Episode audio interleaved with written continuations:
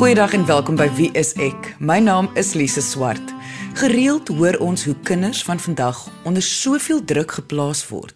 Jy het dalk alself die woorde gespreek by ete teenoor vriende, wanneer almal stories uitruil oor tieners se gedrag of prestasies. Iemand sal altyd verwys na die onnodige druk wat adolessente moet ervaar. Maar wat presies is hierdie druk? Verstaan tieners wat druk beteken en is hulle bewus daarvan? Ek gaan vandag met kliniese sielkundige Louis Averbag hieroor gesels met die hoop dat nie net ouers druk of stres beter verstaan nie, maar ook die implikasies daarvan en dan gaan ons ook gesels oor wenke oor hoe om druk beter te bestuur. Kom ons luister na my en Louis se gesprek. Louis mens hoor gedurig van druk wat veral adolessente deesdae ervaar. Maar wat presies tel as druk? Druk is dit wat van buite af kom. Dit kom van die lewe af. En dit is ook verskillend vir verskillende mense. Maar die gewone basiese dinge soos om op te staan, om te werk, om verhoudings aan die gang te hou, basies om te lewe, is nie maklik nie. En hoekom is dit nie maklik nie? Want daar is hindernisse in mense pad en daar is faktore wat dit vir jou moeilik maak en soms baie moeilik maak. En dit is wat druk of stres is. Druk stres is maar dieselfde ding. So as jy dink aan die wêreld van 'n adolessent, dan is dit wat in hulle wêreld dinge vir hulle moeilik maak, soos akademiese prestasies, sport, vriende, vriendinne om in te wees, stryd met die ouers, wat dit ook al mag wees. Dit is wat vir hulle dan druk sal wees of in ander taal gesê stres veroorsaak. Ek wonder altyd, of jy sê nou dit kom nou van buite af, maar kan iemand nie hulself onder druk plaas nie? Ja, eintlik teoreties is jy is jy heeltemal reg. Want teoreties is dit nie die buitefaktore wat ons laat stres of druk op ons sit nie, dis ons interpretasie daarvan.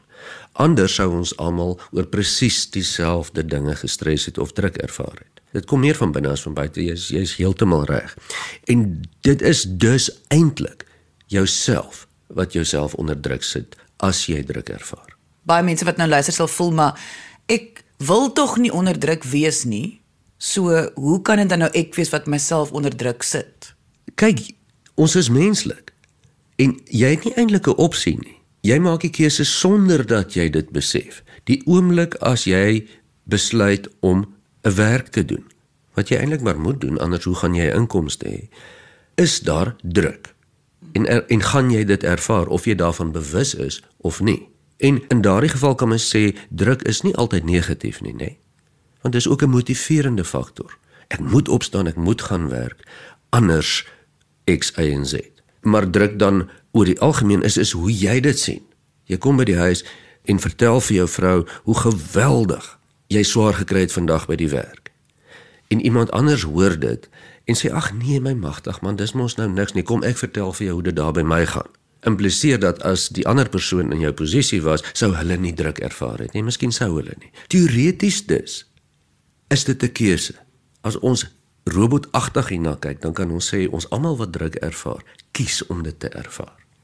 Maar in praktyk is dit baie moeilik. Ons is nie regtig opgewasse om so stresweerstandig te wees dat ons niks as druk ervaar nie. Hoe bewus moet ouers wees van die moontlike druk wat hul tiener kan ervaar? Nou hierdie jaar 2018.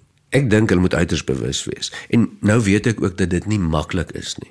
Dis baie moeilik vir ons as volwassenes om ek gaan die klise gebruik, die tieners van vandag te verstaan. Dit was maar seker deur al die generasies so gewees. Maar onthou, ons verstaan nie regtig hulle taal met mekaar nie. Hoe hulle dink, wat die nuutste giere is, wat is in, wat is nie in nie maniere van praat ensovoorts ensovoorts. So hoe beter ons verstaan, hoe beter kan ons ons tieners bystaan. Want glo vir my dat feitelik alle tieners ervaar druk en ervaar nogal baie druk want dit gaan ook gepaard met 'n verandering. Dis 'n transformasieproses van kind na groot word. En dit op sigself is 'n baie moeilike proses. Ons almal kan getuig ons is daardeur. Wat ervaar iemand wat onder druk is. Met ander woorde, wat voel of dink so 'n persoon of hoe gaan hulle optree? Wat mense ervaar is gewoonlik heel eerste op hulle liggame. En dit is so halwe bewuswording van, "Haai wag, ek ek is ek moet fokus hierso, ek moet gereed wees, ek moet iets doen."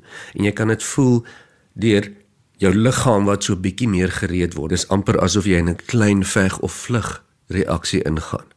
So jou spiere trek so bietjie saam, jou maag draai so bietjie, daar's bietjie meer suurstof in jou bloed. Daar's niks verkeerd daarmee nie.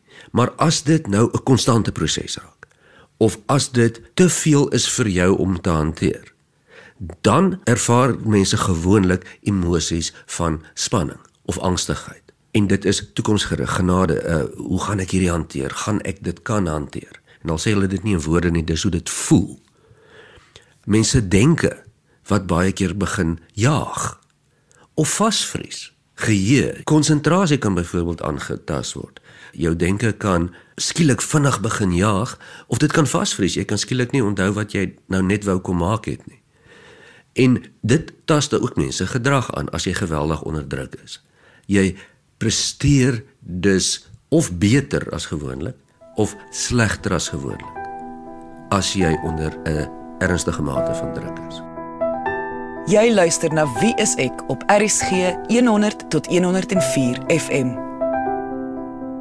So iemand wat onder druk is of onder ernstige druk is, sy gedrag sal wees geïrriteerdheid, kort van draadheid, miskien sukkel om te konsentreer, sukkel om te onthou, oormatig gemeerig wees, 'n gejaagde denke hê, dinge vinniger wil doen, dis angstig voel, gejaagd voel. Of dit kan soms wees dat dit so oorweldigend is die druk dat mens heeltemal verlam word. En jou gedagtes vries sommer vas en jou lyf word lam en jy gee sommer op.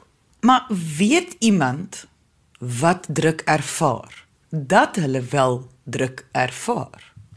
Nie altyd nie. Baie mense sal vir jou sê, "Luister, ek ervaar verskriklike druk by die werk of in my huwelik of tussen my maats op skoolgrond as jy 'n tiener is. En dan weet jy dit. Maar baie keer staan ons maar net op, gaan aan met die lewe, gaan slaap weer en ons ervaar eintlik baie druk, ons weet dit net nie. En al wat jy dan van bewus is, is so vaag gevoel van jy sê iets is nie lekker nie, ek ek koop nie lekker nie. Maar jy skryf dit nie noodwendig toe aan druk of iets wat ernstig is nie. Maar nou nou Hoe gaan jy dan nou weet jy's onder druk?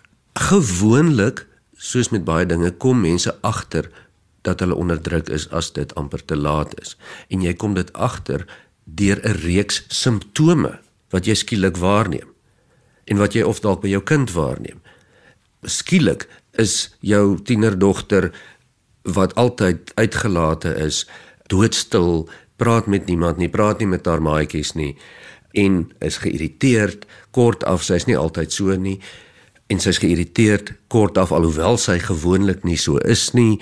Um, haar skool werk het miskien bietjie agterweë gelaat haar punte verswak dalk ensovoorts ensovoorts en dan kan ons vermoed dit wat van buite af kom om die lewe te hanteer is nie vir haar nou meer so maklik nie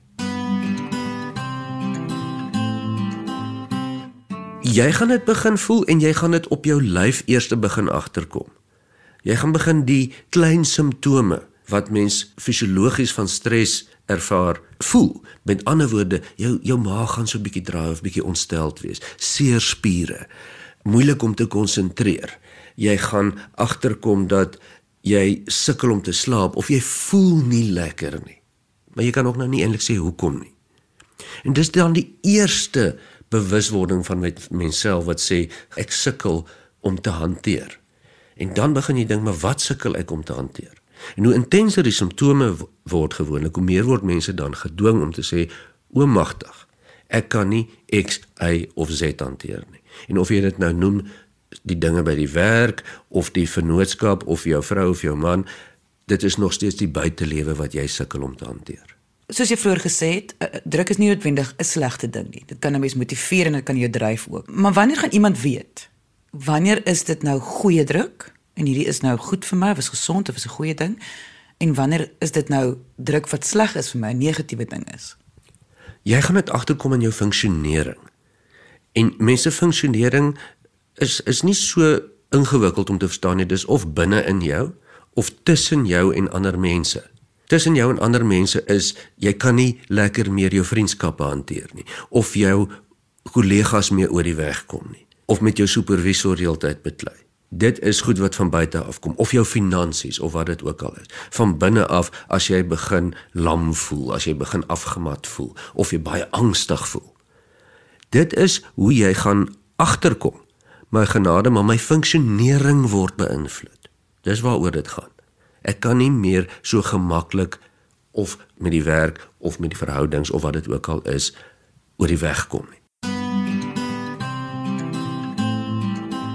En hoe gaan ouers weet hulle tiener ervaar dalk moontlik te veel druk of stres? Ek bedoel, waarvoor moet 'n ouer uitkyk? Want ons almal weet dat tieners nou nie eintlik die mees deelsame mens op aarde nie. Ja, dis moeilik, maar dieselfde beginsel gaan hierso geld. Met ander woorde, net soos met volwassenes, as jou kind se funksionering ingeperk word en dit is nou in die konteks van tienerskap Dit beteken sy kom nie meer met haar maatjies oor die weg nie of sy het nie meer vriendinne nie waar sy altyd gehad het. Sy punte verswak byvoorbeeld. Sy's dalk huilerig heeldag ensovoorts ensovoorts. En nou moet ons baie mooi verstaan tieners is in elk geval moeilik. Hulle is maar soms knorrig en huilerig en op en af met hulle emosies en so. So ons kyk na 'n patroon, 'n gedragspatroon. As jou tiener dik mond in die kamer deurbring vir die naweek, is dit nie so groot bekommernis as wat hy nie maandagooggend wil opstaan en nog skool toe gaan en dis gaan vir 'n week aan. Dan weet ons die druk wat hy of sy ervaar is te veel. Indien jy meer wil weet oor Louis Averbag of enige van die Wie is ek sielkundiges, kan jy gaan na ons webtuiste by wieisek.co.za. Louis, hier kom ons nou by die belangrikste vraag. Wat is die gevolge van te veel druk of te veel stres? Veral wanneer dit kom by 'n tiener en dan wil ek graag ek ook maar weet by volwassenes. As mens die voorbeeld kan gebruik van iemand wat 'n swaar gewig vashou en daar word stelselmatig bietjie meer gewig opgesit, bietjie meer gewig opgesit. Dit word al hoe swaarder en swaarder en swaarder. En mens ons ken almal daardie gevoel dat jy kom so op 'n punt wat jy kan nie meer die goed vashou nie. Jou lyf gee in. Hoe sterk en hoe jy ook al is en hoe hard jy ook al probeer. Nou dis dieselfde met die effek van konstante of te veel of aanhoudende druk of die ervaring daarvan is dat op 'n stadium begin jou lyf ingee. En dan kry ons wat ons noem in gewone taal depressie of uitbranding. En dit beteken jou battery het leeggeloop. Daar is net eenvoudig nie genoeg krag om wat dit ook al is wat hanteer te moet word te hanteer nie. En dis die uiteinde wat moontlik kan gebeur as daar te veel druk is en dit word nie bestuur of hanteer nie. Dis natuurlik die slegste scenario. Is daai totale in mekaar sak. Maar op pad soontoe is dit waar jy stelselmatig die simptome kry van slaappatrone wat versteur word. Skielik slaap jy nie lekker deur nie, jy skrik wakker nie, wakker in die oggend. Jou maag wat heeltyd draai, jy worry heeltyd. Baie meer as altyd. Mense sê dit vir jou, jou vriende of jou kollegas of jou man of vrou sê vir jou, luister, maar jy's moeilik om die huis te hou en is nou al vir 3 maande so. Dit is wat gebeur en die gevolge word dan 'n sneeubal tot op die punt waar mens dan moontlik totaal kan uitbrand. En of jy 14 is of 40 is, dit tel vir tieners en volwassenes. En hierdie gevolge kan natuurlik 'n langdurige effek hê op veral soos tieners tot hulle almal volwassenes is. Ja, en nou praat ons nie eers teoreties nie. Dit is letterlik wat gebeur op hierdie oomblik. Adolessente, tieners groot persentasie van hulle sit met gemoedsversteurings en is op medikasie as gevolg daarvan. So dis nie iets wat ek en jy sit en bespiegel wat moontlik kan gebeur nie. Dit gebeur letterlik terwyl ons praat. En soos jy nou sê, hulle daar's so baie gediagnoseer en hulle almal is klaar op medikasie. So medikasie gaan ons nou kan ons nou die probleem help oplos. Medikasie alleen is nooit 'n oplossing nie. En dink gou hieraan Mense wil tog nie regtig hê dat daar 'n wêreld moet wees waar helfte van tieners op medikasie moet wees vir hulle gemoed nie. Dit sê mos vir ons, daar is iets fout. En om hierdie nog meer reëel te maak, al die navorsing wys dat teen 2030 en dit is oor 12 jaar, ek wil sê minder as 12 jaar, gaan depressie die grootste oorsaak van dood wees, afgesien van onnatuurlike oorsake en ouderdom. En dit gaan nie oor selfdood nie, dit gaan oor jou liggaam wat ingee en ander siektes ontwikkel, immuunstelsel, kanker, enigiets. Daar's 'n direkte verband. En en dit wys dan mos nou vir ons hoe ernstig dit is. Hoe kan vriende of ouers 'n tiener help wat druk ervaar? Bewustheid is altyd die eerste een. Jy kan dus soos wat jy vir jou vriend sou bewus maak, ouma, jy's jy's dan baie af deesdae as jy seker dit gaan oukei okay met jou. As jy dit met jou tiener kan doen en nou weet ons tieners is vreeslik geslote en hulle praat nie. Maar dit is hoekom jou werk is tot en met tienerskap om daai verhouding so te behou. En die bewusmaking daarom heel eerste is om te sê luister hier is 'n probleem. Kom ons ignoreer dit nie. Kom ons maak nie asof dit nie bestaan nie. Hier is duidelike probleem. Wat gaan aan? En ek dink dan wil jy baie mooi verstaan. Wat ervaar jou tiener?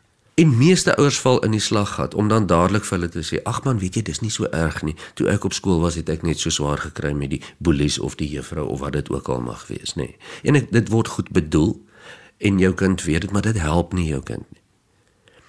Ondersoek dus eers of jy nie dalk deel is van daardie druk op jou kind nie. En bittermin ouers bedoel dit so.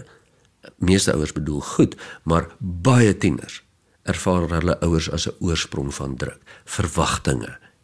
Pa wat gaan teleurgesteld wees as my punte nie goed genoeg is om kering te kry om 'n ingenieur te word nie. Ensovoorts ensovoorts ensovoorts. Daar mag ander faktore wees by die skool, heel waarskynlik by die skool. Probeer dit net eers verstaan. En dit help nie om te sê ag man, dis tienerprobleempies, dit gaan van self uitsorteer nie. Die idee is dan dat jy dit ernstig opneem en saam 'n plan uitwerk en help en ondersteun om die plan uit te voer en te kyk dat dit kan werk. Jy moet ook nou nie te veel verantwoordelikheid vat nie. Tieners moet ook maar leer om self dinge te hanteer. Dis hoe ons almal deur die lewe moet kom, maar met daai ondersteuning is dit darm makliker. Jy luister na Wie is ek op RSG 100 tot 104 FM. As die tiener nie vir ouers wil luister nie of nie met hulle wil praat nie, wat dan? Ek bedoel, hoe kan ouers hulle dan bystaan? Kyk, as jou tiener nie met jou wil praat nie, moet dit eerstens nie te persoonlik opneem nie. Tieners wil nie met hulle ouers praat nie. Maar dan moet jy iemand anders kry. Dan gaan ons nou maar na die tweede en die derde opsie. Die onderwyser of onderwyseres by die skool wie die kind vertrou, sielkundige, miskien iemand anders, maar dan moet jy iemand anders kry met wie jou kind kan praat. Wie jou kind sal vertrou. Dit gaan nie altyd net oor wie jy vertrou nie. Dit gaan regtig baie keer oor wie jou kind vertrou. En dit is dan die diens wat jy lewer as ouer, is jy maak seker dat daardie strukture in plek is. Indien daar nou 'n tiener na hierdie episode luister, wat sal jou advies wees vir hulle om vir hulp te vra? Bedoel van vriende of onderwysers of familie, want ons almal weet mense selfbewus of mense skaam om te erken dat jy het hulp nodig. En dit self vir volwassenes so so vir 'n adolescent om dit te doen, watter advies het jy vir hulle spesifiek? Die advies sal wees jy as tiener dink dalk dat jy is die een wat swaar kry en dinge nie kan hanteer nie, maar kyk almal om jou hanteer dit baie goed. Dit is nie waar nie. Glo vir my dit is nie waar. Almal sukkel. En iemand wat sê dat hulle alle druk kan hanteer, dat hulle niks is wat hulle uitstres nie, lieg gewoon. Dit is dus nie 'n swakheid om vir hulp te vra nie. Net soos wat dit is as jy nie lekker jou wiskunde verstaan nie, gaan jy na die onderwyser toe en sê verduidelik asseblief, ek verstaan nie, gee vir my hulp. Dit beteken nie jy's onnoosel of simpel nie. Dit is sterk van jou om dit te doen en tot jou eie voordeel. Net so as jy ander druk ervaar, dan gaan jy of na jou ouers toe as jy hulle vertrou om mee te praat Of jy gaan na 'n onderwyser of onderwyseres toe of mee te praat, of jy gaan na iemand toe en sê luister, ek het hulp nodig, soos wat ek sou gehad het met wiskunde. Wat wys dit? Dit wys jy slim en jy sterk. Want net 'n baie dom mens dink hulle kan alles doen en alles hanteer. Hoekom praat ons vandag hieroor? Ek bedoel, hoekom is dit belangrik vir tiener en vir ouers om druk of stres te verstaan? Vir ouers sal ek net graag wil sê dat ek en my kollegas sit weekliks met jong mense of tieners op skool of jong 20s net na skool wat regtig sukkel om die lewe se druk te hanteer en ek praat van mense of jong mense wat oor die algemeen hoogs funksionerend is. As jy na die statistieke kyk, as jy regtig na die navorsing gaan kyk, behoort jy as ouer geweldig bekommerd te wees oor druk en stres wat op tieners vandag gesit word. Dit is verseker baie meer as in die verlede. Vir die tieners wil mens sê, maar mens wil amper hê die ouers moet dit hoor. Dit is nie nodig om op 18 al presies te weet wat jy wil gaan doen en die res van jou lewe fyn beplan te hê nie. Dit is nie nodig om dit op 20 al te hê nie. Jy hoef nie op 26 al jou eerste kind te hê nie of op 32 al die visie bestuurder van 'n afdeling te wees nie. Dinge het baie keer hulle eie tyd. En daar is baie druk op jou as tiener vandag om so gou as moontlik en so effektief as moontlik take afgehandel te kry, te presteer vorentoe te kom. Mense moet op hulle eie tyd werk.